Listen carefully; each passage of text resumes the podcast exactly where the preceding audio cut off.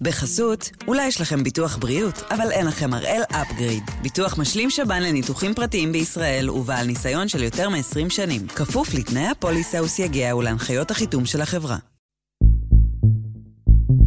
היום יום שני, 14 בפברואר, ואנחנו אחד ביום, מבית N12.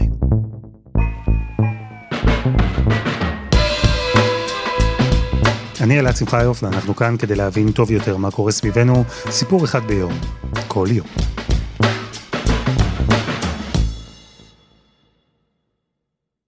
דימיטרי. כן, כן, שומע. ספר לי על עצמך. אני דימיטרי טרנפולסקי, עם המשפחה מלפני חצי שנה עברנו מישראל לאודסה, ואנחנו נמצאים באודסה. על גדות הים השחור יושבת אודסה, ובאודסה יושב דימיטרי.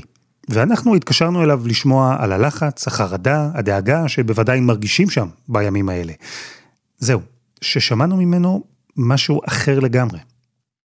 כלום, כלום. אף אחד לא מאגר מזון מהמדפים של סופרים, שקט, רגוע, אה, חייכני, עם אה, אה, הרבה הומור, הכל בסדר. לא מרגישים פה כלום. אחי, אם הייתי עכשיו מתנתק, אם לא הייתי בכלל שומע חדשות, הייתי מתנתק מהכל, הייתי חי עכשיו בכיף שלי, כאילו כלום לא קורה. אני, לפעמים הולך ברחוב, ואני רואה את האוקראינים, ואני אומר, בא לי להגיד להם, תגידו, מה אתם, מה אתם מפגרים, אתם לא יודעים מה קורה? כאילו, אתם, אין לכם מושג מה, מה קורה? כאילו, אני מבפנים, כולי ב, ב, בסרטים, והם כאילו, הכל סבבה, זה הכל שטויות, רוסיה סתם אה, מפחידה, לא, לא הולכת לפלוש. כאילו, זה, זה ה vibe פה. כמעט 700 קילומטר צפון מזרחית לדימיטרי נמצא ברי. קוראים לי ברי גוניונסקי, אני נמצא בעיר חרקוב, אני מתגורר פה עם אה, אשתי האוקראינית, נטלי, ואנחנו פה כבר חמש שנים. ובלי להתכוון, ברי ואשתו נטלי סיפקו לנו ניסוי אומנם לא מדעי, אבל מעניין. ניסיון להבין איך מצד אחד מדברים על מלחמת עולם אפשרית, ומהצד השני, ברחובות, כאילו כלום. תקשורת, מאה אחוז תקשורת. אני ניזון מהתקשורת שהיא בעיקר מישראל ומחו"ל, ואני לא רואה את החדשות של אוקראינה ורוסיה. אה, אבל אני לפעמים שואל את אשתי, מה, מה אומרים אצלכם? כי אני מנסה לתאם איזה שהם, שהיא תגיד לי גם דברים שאני שומע, והיא לא, היא אומרת לי שבחדשות של אוקראינה פשוט אומרים שהם סתם מפחידים, ושזה, והפחד הזה משרת את, ה, את האויב, ושזה, שלא צריך לפחד, בגלל זה גם היה לי טיפה קשה אפילו לשכנע את אשתי לטוס, בגלל שמבחינתה הכל טוב, זה אני זה של החוץ. קח אותי לשיחות ביניכם. יש אה, ריבים אם לעזוב או להישאר?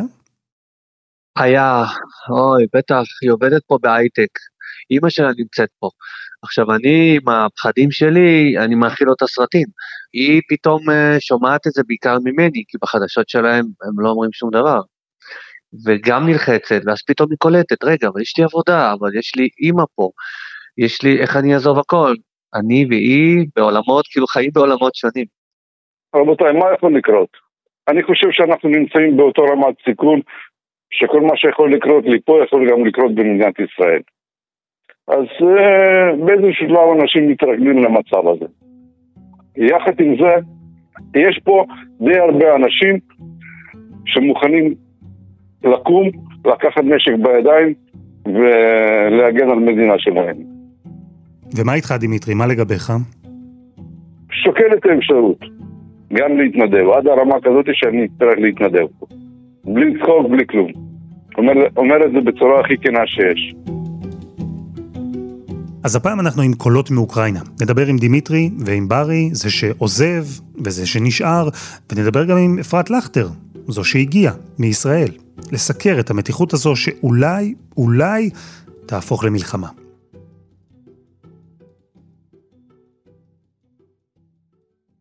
מאזיני אחד ביום בטוח זוכרים שב-14 בדצמבר אנחנו פרסמנו פרק שנקרא "מה פוטין רוצה מאוקראינה". אז עשרות אלפי חיילים רוסים מוקמו על הגבול האוקראיני-רוסי, ובכל העולם שאלו מה פוטין רוצה. כלומר, היה ברור מה הוא לא רוצה. פוטין לא רוצה, הוא לא מוכן לקבל מצב שברית נאט"ו המערבית תתרחב לשטח אוקראינה, שטילים של המערב ישבו לו ממש בסלון. ואוקראינה הראתה בשנים האחרונות סימנים שהיא מתקרבת למערב, מעוניינת לפחות, שצירוף שלה לנאט"ו זו בהחלט אפשרות ריאלית. אז את זה פוטין לא רוצה. אבל מה הוא כן רוצה? שאלנו אז, במידה מסוימת אנחנו שואלים גם היום. יפלוש או לא יפלוש, איש באמת לא יודע. אלא שמאז, במערב התגברה הערכה. הוא יפלוש, ובקרוב, אפילו השבוע. האמריקנים הזכירו ממש אפילו את יום רביעי. We're in the window uh, when a Russian invasion could start at any time if President Putin so decides. That includes in the coming days. We don't know whether President Putin has made that decision, but we do know that he has put in place the capacity uh, to act on very short notice. ועשרות אלפי החיילים שהיו אז בגבול הפכו היום כבר ליותר מ-140 אלף.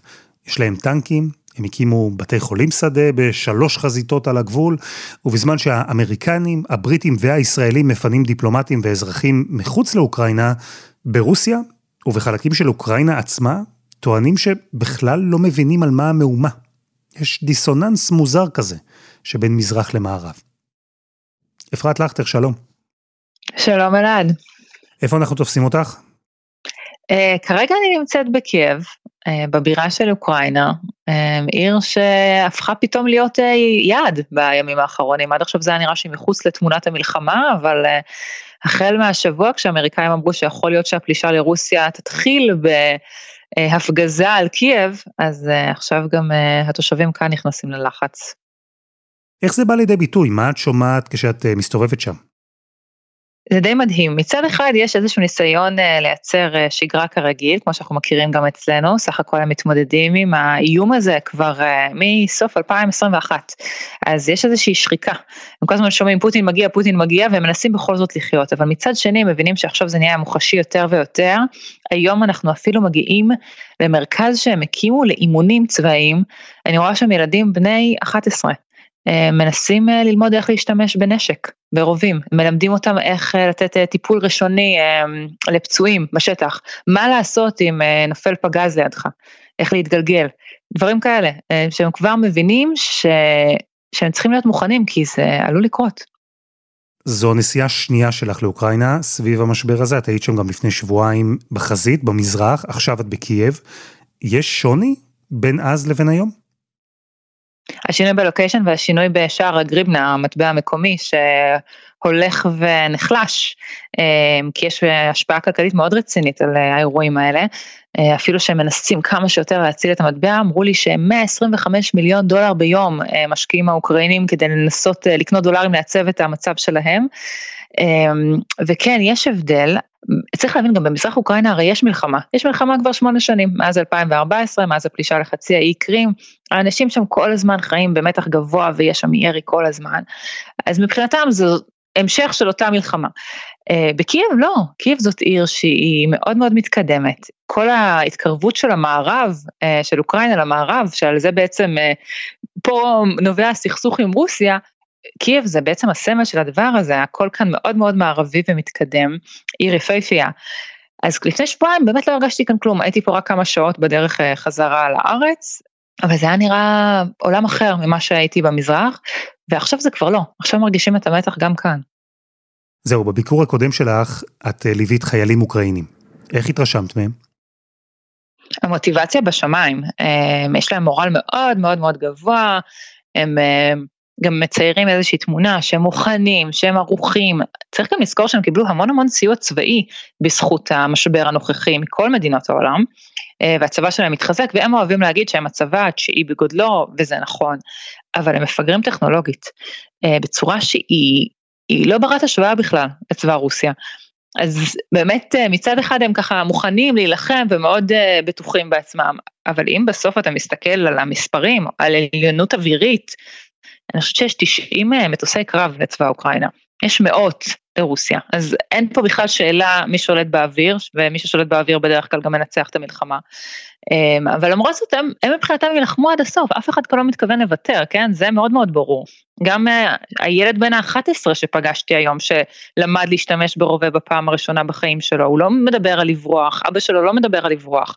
הם מבחינתם יישארו פה, וכל מי שיכול להילחם, יילחם.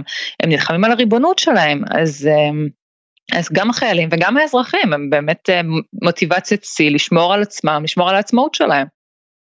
ודווקא בגלל הפער הזה, הכוח האדיר של הרוסים אל מול הכוח המאוד צנוע של האוקראינים, אני מתקשה להבין פער אחר. וזה הפער שבין תחושת הבהילות, אולי אפילו חרדה מסוימת במערב, לאדישות מסוימת, ככה לפחות זה נראה, שם, בחלקים של אוקראינה. הנה, לדוגמה, בישראל, קראו יותר מפעם אחת לכל האזרחים הישראלים להתפנות. שובו הביתה, אל תיקחו סיכון מיותר. אל תחכו למצב שבו אתם מאוד תרצו לחזור, וזה כבר יהיה בלתי אפשרי. ובסוף, מתוך כ-15 אלף ישראלים שם, אתמול בסך הכל קצת יותר משליש נרשמו ואמרו שהם מעוניינים לצאת מהמדינה. והאוקראינים בכלל, אנחנו לא רואים נהירה ממזרח למערב, אין כמעט תנועה של אנשים שמתרחקים מהגבול. איך את מסבירה את זה? אה, שחיקה יכול להיות. כמה פעמים אפשר להגיד לך זה תכף קורה, זה תכף קורה, אתה צריך לברוח, כן? זה לא המשבר הראשון. אה, מאז 2014 היו עוד פעמיים שבהם הייתה תחושה של איזשהו, איזשהו משבר שיכול להיות שבאמת אה, תפרוץ מלחמה. אז הם כבר שמעו את זה, הם כבר שמעו את האיומים. עכשיו צריך להבין שיש כאן גם מלחמת דיס-אינפורמציה, שאני חייבת להגיד שאני כבר לא יודעת למי להאמין. זאת אומרת, זה ברור שכשהנשיא ביידן אומר שוב ושוב הולכת להיות פלישה, והוא עוד אפילו אה, ג'ייק סליבן, היועץ לביטחון לאומי שלו, נוקב ביום רביעי בתור תאריך, תאריך הפלישה, ממתי המדינה השנייה מודיעה על כך שמישהו הולך לפתוח במלחמה, זה הרי באמת יוצא דופן. הם כל הזמן כביכול מדליפים את המודיעין שלהם, אבל ברור שהם עושים... איזשהו שימוש במודיעין אה, לטובתם. אז זה קשה להבין, זה קשה להאמין למה שהם אומרים, אה, בזמן שמבחינת האוקראינים המודיעין שלהם נותן תמונת מצב אחרת לגמרי, והרוסים לא מפסיקים להכיש, הם אומרים שזה לא נכון, פוטין אומר שארה"ב זורת היסטריה, אה, ואין לו שום כוונה לפלוש, ואם כבר תהיה מלחמה, הסיבה היחידה שתהיה זה בגלל ארה"ב. עכשיו האוקראינים הם גם צורכים אה, חדשות ברוסית. רבים מהם, הם אה, ניזונים מכל מיני כלי תקשורת, והנשיא שלהם, זלנסקי, אומר, אין שום סיבה לפאניקה, הכל בסדר, זה משרת את האויבים שלנו. Uh, והם מנסים כל הזמן להרגיע את השטח, להרגיע את התושבים. The best friend for enemies that is panic in our country. And all this information that helps only for panic doesn't help us. That's it. אז זהו, פרספקטיבה יכולה להיות דבר מאוד מבלבל.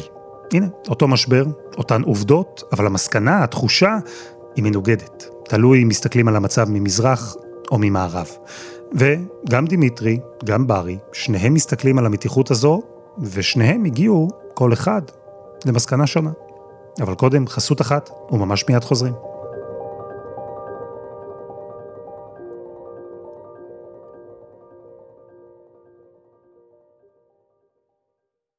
בחסות, אולי יש לכם ביטוח בריאות, אבל אין לכם הראל אפגריד. ביטוח משלים שב"ן לניתוחים פרטיים בישראל ובעל ניסיון של יותר מ-20 שנים. כפוף לתנאי הפוליסה וסייגיה ולהנחיות החיתום של החברה.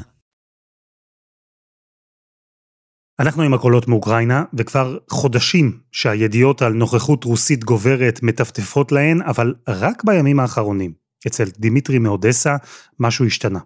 השתנה באמת. הכל היה מצוין. עד יום שישי האחרון, אה, ללא שום חשש, ללא שום דאגה, הכל היה בסדר. ביום שישי הבנו שיוזמה של ארצות הברית במשא ומתן עם פוטין היא נכשלה, ואנחנו מיום שישי האחרון התחלנו להיות טיפה בלחץ על מה שקורה פה. אז מה עושים? אופציות אה, שיכול להיות שאני אצטרך לשלוח את המשפחה שלי בחזרה לארץ, אשתי וילדים יחזרו, לפחות לעבור שבועיים שלוש ולראות מה הולך פה. ואחר כך, כשהכול יירגע, בעזרת השם יחזרו לפה. במצבים כאלה עדיף לי להתמודד פה לבד מול כל מה שיקרה, מאשר להתמודד יחד עם המשפחה. הלחץ שדימיטרי דיבר עליו הוא לחץ מזה שהמשפחה שלו תהיה בלחץ. והוא, כך הוא אומר, לא יצליח גם להתמודד עם פלישה רוסית וגם עם הלחץ של המשפחה בבית. רק עם פלישה רוסית, אם תהיה כזו, עם זה הוא יצליח להתמודד מצוין. רבותיי, אני 27 שנה הייתי מתגורר בצפון של מדינת ישראל במעלות, אה, וכל רגע טון היינו מחכים להתקפה של חיזבאללה לשטח של ישראל. כולל, כולל, כולל הקטושות, כולל כל מיני פרובוקציות ופיגועים שקרו בשטח של ישראל. אז כאילו לא מקבלים את זה, לא נכנסים להיסטריה, לא, לא נכנסים ללחץ מטורף, אבל מתחילים לחשוב מה לעשות הלאה. וזהו. והמה הלאה הזה שהוא מדבר עליו, אולי כולל אפילו התנדבות לכוח לוחם, כוח אוקראיני לוחם. הוא חושב על זה, שוקל את זה ברצינות. ובינתיים, ברי, הוא גר מאוד קרוב לגבול עם רוסיה, וגם אצלו, כמו דימיטרי, האסימון נפל ממש בימים האחרונים. ככל שנכנסת עוד ידיעה ועוד ידיעה ו, ועוד הודעה מחבר אחד ועוד הודעה מעוד חברים וכל שנייה הודעות מחברים ואז אימא שלי מתקשרת ואז ופתאום כל רגע רגע אני מבין שאוקיי דואגים ו, וכנראה קורה משהו. התקשרתי אליו כמעט כל יום וטפטפתי לו על הראש. זו אימא, ויקה, המודאגת מאוד בישראל. הוא גר שם בדירה די רגועה, הוא אומר שאווירה מאוד נינוחה שם, אנשים לא חושבים על סכנה, הכל זורם כרגיל. ויקה, מה דמיינת כשחשבת על זה, כשחשבת על הבן שלך שם בעיצומה של פלישה רוסית? וואי, איזה סרטים, איזה סרטים מסתובבים לי בראש, זה משהו לא נורמלי. אני מכירה את הצבא הסובייטי לשעבר, צבא רוסיה, זה לא, לא שום דבר לא טוב. אין להם מוסר, אין להם אה, רחמים, זה פשוט אנשים מאוד אכזריים, ואני יודעת שהם נכנסים לאוקראינה, הם יכולים לעשות דברים מאוד מאוד רעים. אני ממש ממש דואגת. פתאום אנחנו קוראים שארצות הברית גם מחזירה את האזרחים ומזהירה, פתאום זה בריטניה, פתאום זה כזה מסלים ומסלים ומסלים, עד שאנחנו כבר קוראים שבנט אה, מתכנן אה, איזשהו טיסות חילוץ ואפילו טיסות צבאיות לחלץ ישראלים. אז ברי התחיל לחפש טיסות, רכבות, כל דבר. והמחירים זינקו, אבל תחושת הבהילות שלו ושל אימא שלו גרמו לו להרגיש שאין לו שום סיבה להישאר. כל הלילה ניסינו למצוא איזושהי טיסה מחרקוב, כי זה קצת יותר קשה כי בסוף רק אה, אתמול בלילה הצלחתי לעשות איזשהו מסלול כזה של בעצם רכבת בלילה ואז מחר יש לי טיסה עם אלעל. אחרי שהצלחת להנדס את כל הדבר המורכב הזה, איך הרגשת? הקלה? אני אישית אהיה רגוע בשנייה שאני נוחת בנתב"ג ואני שומע את הכפיים, זהו, אז אני, אז אני מוציא אוויר, אומר, אוף, הכל טוב. ויקה, מה תעשי כשתראי את uh, ברי, כשהוא יגיע לארץ? נו, איך אני אקבל? בחיבוק גדול, ברור. ברור, בחיבוק גדול, החדר שלו כבר מוכן, ועכשיו אני חושבת מה, מה לבשל למחר, איך אפשר לקבל אותם הכי טוב, שהם הרגישו, שהם הרגישו טוב, שהם הרגישו שהם בבית ואין סכנה ושום דבר לא מאיים עליהם. אז זה אני עכשיו חושבת.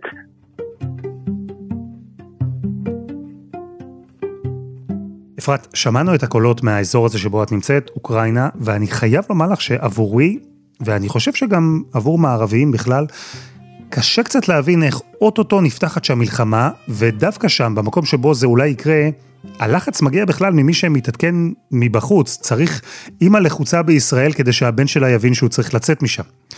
אנחנו לא מדברים פה על משהו חסר תקדים. הנה, לפני שמונה שנים הצבא הרוסי סיפח את קרים, נכנס לאוקראינה. אנחנו לא מדברים פה בתיאוריה. אז מה אנחנו לא מבינים? קודם כל, אני נדהמתי לגלות איך אנשים בארץ לא מבינים שיש מלחמה באוקראינה. לא מבינים שכבר שמונה שנים מתנהלת מלחמה באוקראינה. זה לא שעכשיו הולכת לפרוץ מלחמה באירופה, יש מלחמה באירופה. מלחמה מתבצעת משוחות, זה טרנצ'ז, ממש כמו מלחמת העולם הראשונה וזה גם מושלג, אז תפאורה מתאימה. הם יורים אחד על השני מתוך השוחות. אני הייתי במוצב ששבועיים לפני כן נפצעו שם שני חיילים מירי. אמ, עכשיו אתה אומר הרוסים מול האוקראינים, זה תלוי את מי אתה שואל איך אתה מגדיר אותם, כי עיקרון זה הבדלנים, הבדלנים הפרו-רוסים. אם אתה תשאל את האוקראינים הם יגידו לך הם, רוסים לכל דבר, הם ממומנים על ידי רוסיה, יש חיילים רוסים שעוזרים להם, שמעבירים להם את הציוד. אה, מבחינתם הם הבדלנים, הם אה, זכאים לשטח הזה, והמלחמה הזאת נמשכת כל העת, וחלק מהתירוץ עכשיו של רוסיה לפלוש לאוקראינה, היא שהם טוענים שבעצם אוקראינה מנסה להפלות את האוכלוסייה הפרו-רוסית שיש בשטח שלה, ויש לא מעט, ולכן אה, בעצם הם באים להגן על האזרחים הרוסים שלהם שנמצאים במזרח, ובעצם לשחרר אותם מהאוקראינים שמגבילים אותם ומפלים אותם לרעה. וזה באמת יכול להסביר את העובדה שחלק מהאוקראינים במזרח לפחות לא מתרגשים מהאפשרות שמלחמה מול רוסיה תיפתח, כי בעצם מבחינתם מלחמה כזו כבר נפתחה, היא מתנהלת. זה קרה בסיפוח של קרים, ובקרבות, בהיקף קטן יחסית כמובן, בין כוחות אוקראינים למיליציות פרו-רוסיות מקומיות שמתרחשים מאז. מעניין. אפרת, אה, אפשר לשאול אותך שאלה אישית? בטח. יש כרטיס חזור? זאת השאלה האישית. תראה, זאת שאלה טובה. בגדול, אתה יודע, הייתי בשדה תעופה בנתב"ג, והמטוס היה ריק, ובצ'ק-אין הדיילת של אוקרניאן איירליינס אומרת לי, את בטוחה שאת רוצה לנסוע לשם? אז אמרתי לה, תשמעי, ברגע שאף אחד אחר לא נוסע, אני יודעת שזה הזמן הכי טוב לנסוע. זה מתי שהעיתונאים נוסעים, אה, וזה נכון, באמת אין כמו מראה עיניים, אתה מבין פה דברים שאין שום דרך להבין בארץ, גם לא אחרי אה, קריאה מעמיקה בכל הפרשנויות שיש. אז, אה, אז אני פה ואני מתכננת להישאר פה כל עוד uh, עדיין האירועים uh, מתרחשים. יש לי כרטיס uh, טיסה חזרה, אבל הוא פתוח, הוא נתון לשינויים בעלות מינימלית, אז אני חושבת שהמערכת שלנו תספוג את זה אם uh, נצטרך להישאר קצת יותר. ובסוף אפרת, עם כל הכבוד לעלות המינימלית, עם כל הכבוד לשאלה אם המערכת כן או לא תספוג, השאלה מתי את תעלי על המטוס חזרה, אני חושב תלויה בסוף בבן אדם אחד, וזה פוטין. או מה שפוטין יחליט לעשות או לא לעשות. כן, וזה מדהים, זה מדהים. כל בן אדם שאתה שואל אותו מה הולך לקרות, הוא אומר יש רק בן אדם אחד שיודע וזה ולדימיר פוטין, ואף אחד לא יודע מה עובר לו בראש. כשאתה חושב על זה שיש בן אדם אחד עם כל כך הרבה כוח, באיזשהו מקום הוא כבר ניצח. אפרת לכטר, תודה רבה, תשמרי על עצמך. תודה רבה אלעד, ושיהיה שקט. ותודה לדימיטרי, ברי, לויקה ולשני בירנבוים. וזה היה אחד ביום של N12. אם אתם רוצים לדבר איתנו על המשבר באוקראינה או על כל נושא אחר, בואו לקבוצת הפייסבוק שלנו, אחד ביום, הפודקאסט היומי, אנחנו כבר שם. העורך שלנו הוא רום אטיק, תחקיר והפקה דני נודלמן, רוני ארניב ועדי חצרוני, על הסאונד יאיר בשן שגם יצר את מוזיקת הפתיחה שלנו, ואני אלעד שמחיוף, אנחנו נהיה כאן גם מחר.